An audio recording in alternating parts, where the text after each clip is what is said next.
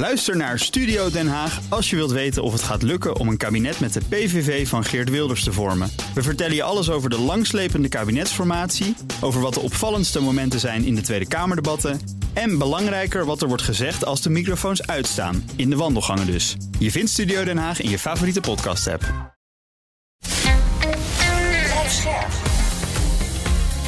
BNR Nieuwsradio. Boekenstein en de Wijk. Hugo Reitsma. Welkom bij Boekenstein en de Wijk. Het is donderdag, dag 463 van de oorlog in Oekraïne. En een beetje laat, want het was afgelopen zaterdag, maar wij vieren vandaag de 100ste verjaardag van Henry Kissinger. Ja, daar moeten we iets over zeggen, want dat is toch een hele belangrijke man. Hè? Even om hem te plaatsen in Amerika zelf. Het gekke is dat eigenlijk is Kissinger een heel erg Europeaan. Hè? Hij is in, uh, in Vuurt in Zuid-Duitsland uh, geboren. Mhm. Is als jongetje heeft hij dus de nazi's meegemaakt. Die hebben hem ook in elkaar geslagen. Toen hij dus vluchtte naar Amerika, liep hij uh, in New York rond. En tot zijn verbazing werd hij niet meer in elkaar geslagen. Dat is echt een man Ja. dus die de Europese geschiedenis heeft ingeademd. Maar het is ook een man die een proefschrift schrijft in Harvard over Metternich. Dus die alles afweet van de balanspolitiek, hè, de politiek van een machtsevenwicht. Dus een man die zegt van de enige manier waarop je de vrede kan bewaren is het machtsevenwicht te benaderen. Want dan zijn de kosten te hoog om oorlog te voeren. Dat noemen we dus eh, eh, een machtsrealistische politiek, hè, die later ook door Morgenthau, zeer bevriend met Kissinger, inhoud heeft gekregen. Nou, wat is nou het interessant? In Amerika houden ze daar niet zo van, want die houden van waarden. Hè? Dus dat, het Wilsonianisme, weet je wel, van, de, van Versailles en van het begin van de 20e eeuw, gaat natuurlijk over democratie en over mensenrechten. Hè? Ja, Dus het grappige, hij heeft dus niet echt school gemaakt eh, in Amerika. Eh, maar wel, er zijn natuurlijk, Scowcroft hoort daar natuurlijk ook bij. En er zijn natuurlijk allemaal studenten van eh Kissinger die overal zit. Nou, wat is nou de betekenis verder van hem? Ik denk dat zijn grootste daad is, Rob, dat hij dus die opening naar China heeft eh, bedacht hè, voor, voor Nixon. Waarbij moet je je voorstellen, dus Amerika had dus een koude oorlog met zowel de Russen, maar eigenlijk ook een moeizame relatie met de Chinezen. Die waren ook communisme. En dan gaat hij gewoon er naartoe. Hè. Nixon heeft, heeft dat ook mee aan bijgedragen. En dat betekent dus dat Rusland dan alleen komt te staan. Dat was natuurlijk een fantastische move die Metternich zelf had kunnen bedenken. De eerste helft van de, van de 19e eeuw. Hè. Nou, waar hij heel erg om wordt ehm, eh, bekritiseerd... is natuurlijk de Vietnamoorlog. Omdat hij daar dus buiten het medeweten van het congres... ook in Laos en Cambodja vreselijk heeft ge- gebombardeerd. Hè. En ook over Chili natuurlijk. Hè, waar hij die rechtse staatsgrepen... en misschien toch wel een beetje gesteund heeft. Hè. Ja, toen Nou, Pinochet aan de macht kwam. Ja. het inter- interessante is, er is een linkse New York Times journalist. Die heeft dus het laatste boek over Kissinger geschreven. Die schrijft dan dus ook over Chili en ook over Vietnam. Die meneer heet eh, Gwen. En die, is, die komt eigenlijk tot een hele positieve conclusie. En dat is eentje die Nederlanders niet graag willen horen, omdat het over macht gaat. Hè. Hij zegt dit, heel, kort geformuleerd. Als Amerika zich zomaar had teruggetrokken uit Vietnam, wat uiteindelijk natuurlijk moest, hè, maar dan betekent het wel, als je een grote mogelijkheid hebt, dat je op allerlei andere schaakpartijen ook verzwakt. En dat kan een grote mogelijkheid zich niet zomaar veroorloven. Dus het is wel te begrijpen dat ze op zoek waren naar een honorable peace. Alleen, uiteindelijk is het allemaal misgegaan. Nou, nog Kijk, laatst- Arend-Jan, dat, Ja. Dat is toch wel echt interessant eh, wat je zegt. Eh, wat je allemaal nu beschrijft is echte realpolitiek. En dat is uitermate pragmatisch. Dat staat Ja. inderdaad, en dat kan niet genoeg eh, worden benadrukt, haaks op de waarden die je in Amerika hebt, maar ook in Europa. Deze man wordt vaak niet begrepen, want een aantal van de voorbeelden die je nu geeft, ja, dat zijn eh, voorbeelden waarbij je bij wijze van spreken iemand onder de bus kan gooien, omdat dat machtspolitiek goed uitkomt. Ja. Ja. En dat wordt absoluut niet begrepen, omdat je moet doen wat goed is eh, in het kader van de waarden die je aanhoudt. Nou, dat is heel interessant. Dit is een bepaalde manier van denken. Maar je hebt ook gezegd, en dat kan ook niet genoeg eh, benadrukt eh, worden, dat Kissinger geen denkschool vertegenwoordigt. Het is, het is een pragmatische manier van kijken naar de internationale betrekkingen. Mhm. Vandaar dat hij precies zoals je hebt gezegd ook geen school heeft eh, gemaakt. De echte scholen, bijvoorbeeld de realistische denkschool in de internationale betrekking, is echt wat anders. Dat is geen realpolitiek en dat is misschien ook wel pragmatisch. En dat gaat ook wel uit van machtspolitiek, maar daar zit theorievorming onder. De realistische denkschool, dat is iets wat ontzettend vaak wordt vergeten en ook niet wordt begrepen, eh, met name ook in Nederland natuurlijk, is dat die realistische denkbeeldschool, die geeft eh, een, een set van criteria op basis waarvan je het gedrag van landen kunt verklaren. That's Mhm. it. Dat is Mhm. echt wat anders dan wat, wat, eh, eh, wat eh, Kissinger doet. Het is gewoon pragmatische realpolitiek. Ja, dat komt het op neer. Kijk, Kissinger legt altijd uit van...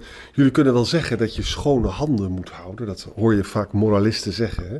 Maar elke actie die je doet, ook het niet doen van een actie... het niet wapens leveren in de Oekraïne of het wel wapens... je hebt altijd te maken met eh, ongewenste effecten van je handelen. hè. Dus met andere woorden, je staat altijd met je poten in de modder. Hè? Ja, Eh, en dat is natuurlijk wel een wijsheid die heel veel mensen vergeten. In Nederland zijn er veel mensen die niet aan gevolgenethiek doen. En dan zeggen ze van, Nee. ja, de gevolgen maakt me niks uit, net zoals Kant. hè. Je moet gewoon, de principes moet je toepassen, die moet goed zijn. En dan hoef je verder geen gesprek meer te hebben. Maar soms is het zo dat het goede het slechte baart. Hè? En daar wijzen conservatieven als Kissinger op. Ja, en wat ook gewoon interessant is, hij kijkt altijd naar de geschiedenis. Altijd. Eh, heel erg goed eh, zijn artikel, dat nog niet zo lang geleden verschenen is, pakweg een half jaar geleden, hoe we de derde wereldoorlog kunnen voorkomen. 100 jaar hè, ben je erbij en dan schrijf je dat, dat soort artikelen met enorme impact. Hij zegt, kijk nou eens gewoon wat er gebeurd is tijdens de Eerste Wereldoorlog. Daar zijn we slaapwandelend ingegaan. Niemand wilde die oorlog. Eh, Christopher Clark heeft er een beroemd boek over geschreven. En hij zegt, ja, ze hebben gevochten, gevochten in 2016. Na miljoenen doden kwamen eh, de partijen tot de conclusie dat het misschien wel handig is om een einde te maken aan die oorlog, omdat je op deze manier veel verder komt.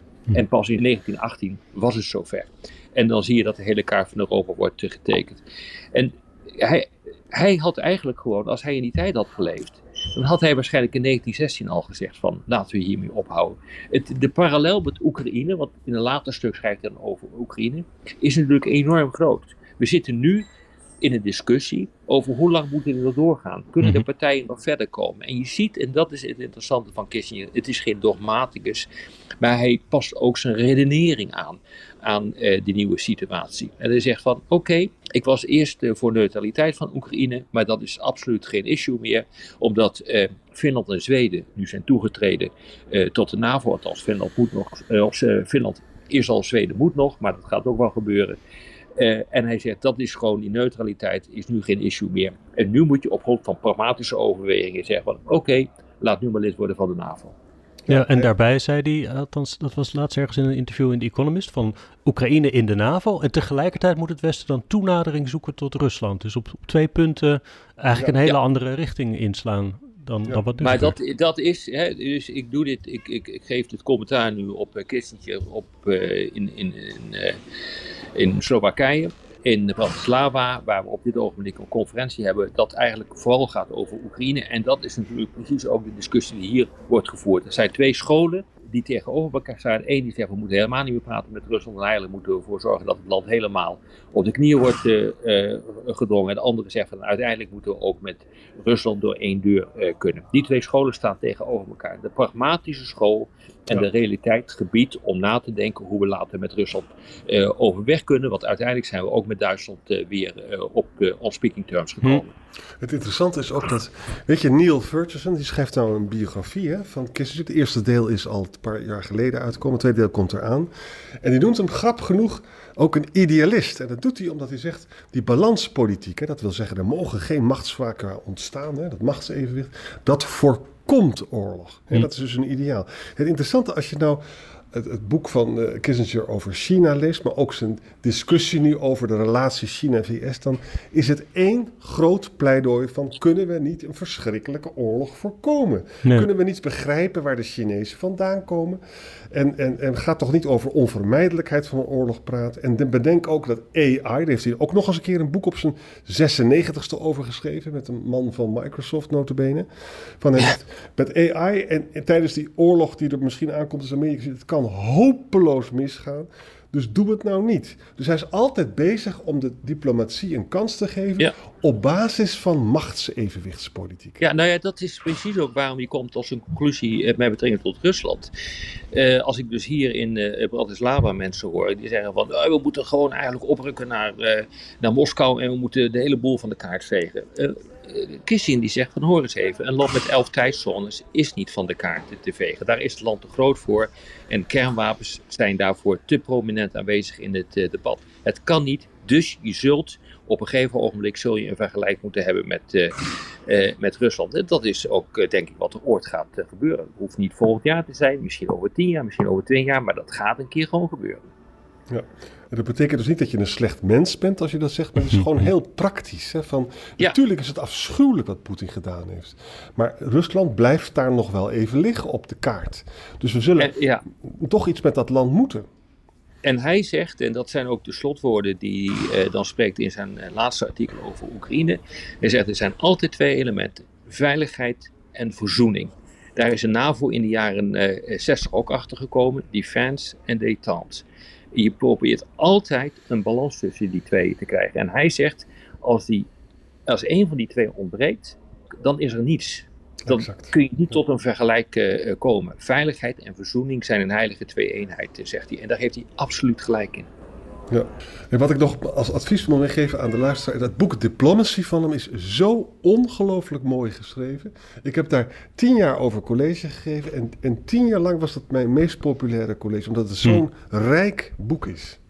Het gaat dus over Metternich, het gaat over Bismarck en het is werkelijk een, een, een diepe wijsheid wat die man daar allemaal uh, neerpent. Maar met 100 jaar, als je 100 jaar bent geworden, dan heb je ook wel wat meegemaakt. En dan kan je ook wel putten uit een onwaarschijnlijke ervaring. En ik denk dat dat, uh, dat, dat, vind ik ook bewonderenswaardig uh, van deze man.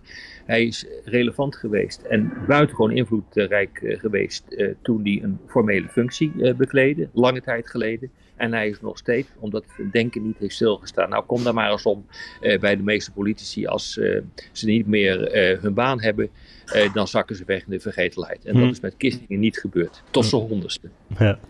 Zou je, om er misschien één dingetje tegenin te gooien na al deze lovende woorden, ook niet kunnen zeggen dat pragmatisme ons juist in deze shit heeft gebracht. Doordat Europa, het Westen, na Georgië, na de Krim, na de Donbass, na Syrië, niet principieel is geweest, maar heeft gedacht, nou laten we nog maar een beetje die Poetin te vriend houden en met dat gas en dan heeft hij ook nog wat aan ons en dan, nou, dan komt het misschien toch wel goed. In plaats van een principiële houding en te zeggen op een gegeven moment, houd het op meneer Poetin.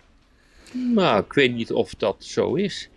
Uh, als ik kijk wat hij bijvoorbeeld heeft uh, geschreven over wat er in 2008 is uh, gebeurd, toen Georgië en Oekraïne de, de, eigenlijk ook om principiële en idealistische redenen een, een, lidmaatschap hebben aangeboden gekregen op termijn van de NAVO. En daarvan zei hij, dat is een stom besluit. dus ehm, ja, ik weet niet of dat zo is. Kijk, Kissinger is gewoon in belangrijke mate toch een duider. Die vertelt hoe het in elkaar zit. Ja. Maar, maar, je hebt wel een punt, Hugo, in die zin van dat balanspolitiek kan je natuurlijk ook gebruiken om een heel uh, land op te delen. Dat is met Polen bijvoorbeeld gebeurd. Hè? Polen was een prachtig rijk, mm ook een heel groot rijk, het Pools-Litouwse Rijk. Dat is dus door Pruisen en Oostenrijk en, en, Frankrijk en Rusland is helemaal van de kaart verdwenen. Hè? Dus het is altijd de vraag wat, welk doel je ermee. Uh, machtspolitiek of machtsevenwichtspolitiek kan er ook toe leiden dat je dus de, de, de, status quo verandert in, ten gunste van de machtigen. Dat gebeurt natuurlijk ook altijd. Dat hoeft niet voor de Polen zelf nou zo'n geweldige keuze of geweldig resultaat te zijn. Hè? Dat is belangrijk. Nou, even op je punt naar de Oekraïne. Kijk, we hadden natuurlijk in 2014 hadden we oorlog kunnen beginnen. Hè? Dat is eigenlijk wat je dan pleit. Bedenk dan wel goed, dan heb je dus een oorlog. Hè? En dan heb je dus een, een, een, wereldoorlog. En dan kan ook weer een kernoorlog worden. Dus soms is het zo dat als je dus je zegt een principe is geschonden daar op de Krim en we trekken nu ten strijde, dan gaan er een heleboel mensen sterven. Hmm. En dat is iets wat je je altijd meer moet afvragen of je dat daartoe bereid bent. Ja. Ja, het blijft lastig. Het blijft altijd lastig. Ja. Internationale betrekking is altijd lastig, omdat, vol, omdat het vol met paradoxen zit. Dat is het hele probleem. Uh, je, je, je moet ervan uitgaan uh, dat, je, dat internationale betrekking een systeem is. En uh, daar zitten voordelen aan, er zitten nadelen aan. dat kun je maar zeer betrekkelijk beïnvloeden. En het is vaak dat je gewoon reageert. Je moet gewoon begrijpen hoe het systeem werkt. Dan kan je aan draadjes gaan trekken, anders lukt het niet. Nou, dat inzicht, dat probeert Kissinger ons denk ik continu te geven. Al honderd jaar. Nou, misschien Al honderd jaar, nou ja. Wel heel lang in ieder geval. Wel heel lang. Ja. Oké, nou, uh, hyper de piep. Hoera, gefeliciteerd Henry Kissinger. Tot morgen, jongens. Tot morgen. Tot morgen. Bij BNR ben je altijd als eerste op de hoogte van het laatste nieuws. Luister dagelijks live via internet. Bas van Werven. En heel langzaam komt de zon op rond dit tijdstip. Je krijgt inzicht in de dag die komt op BNR, het Binnenhof in Nederland en de rest van de wereld. De Ochtendspits. Voor de beste start van je werkdag. Blijf scherp en mis niets.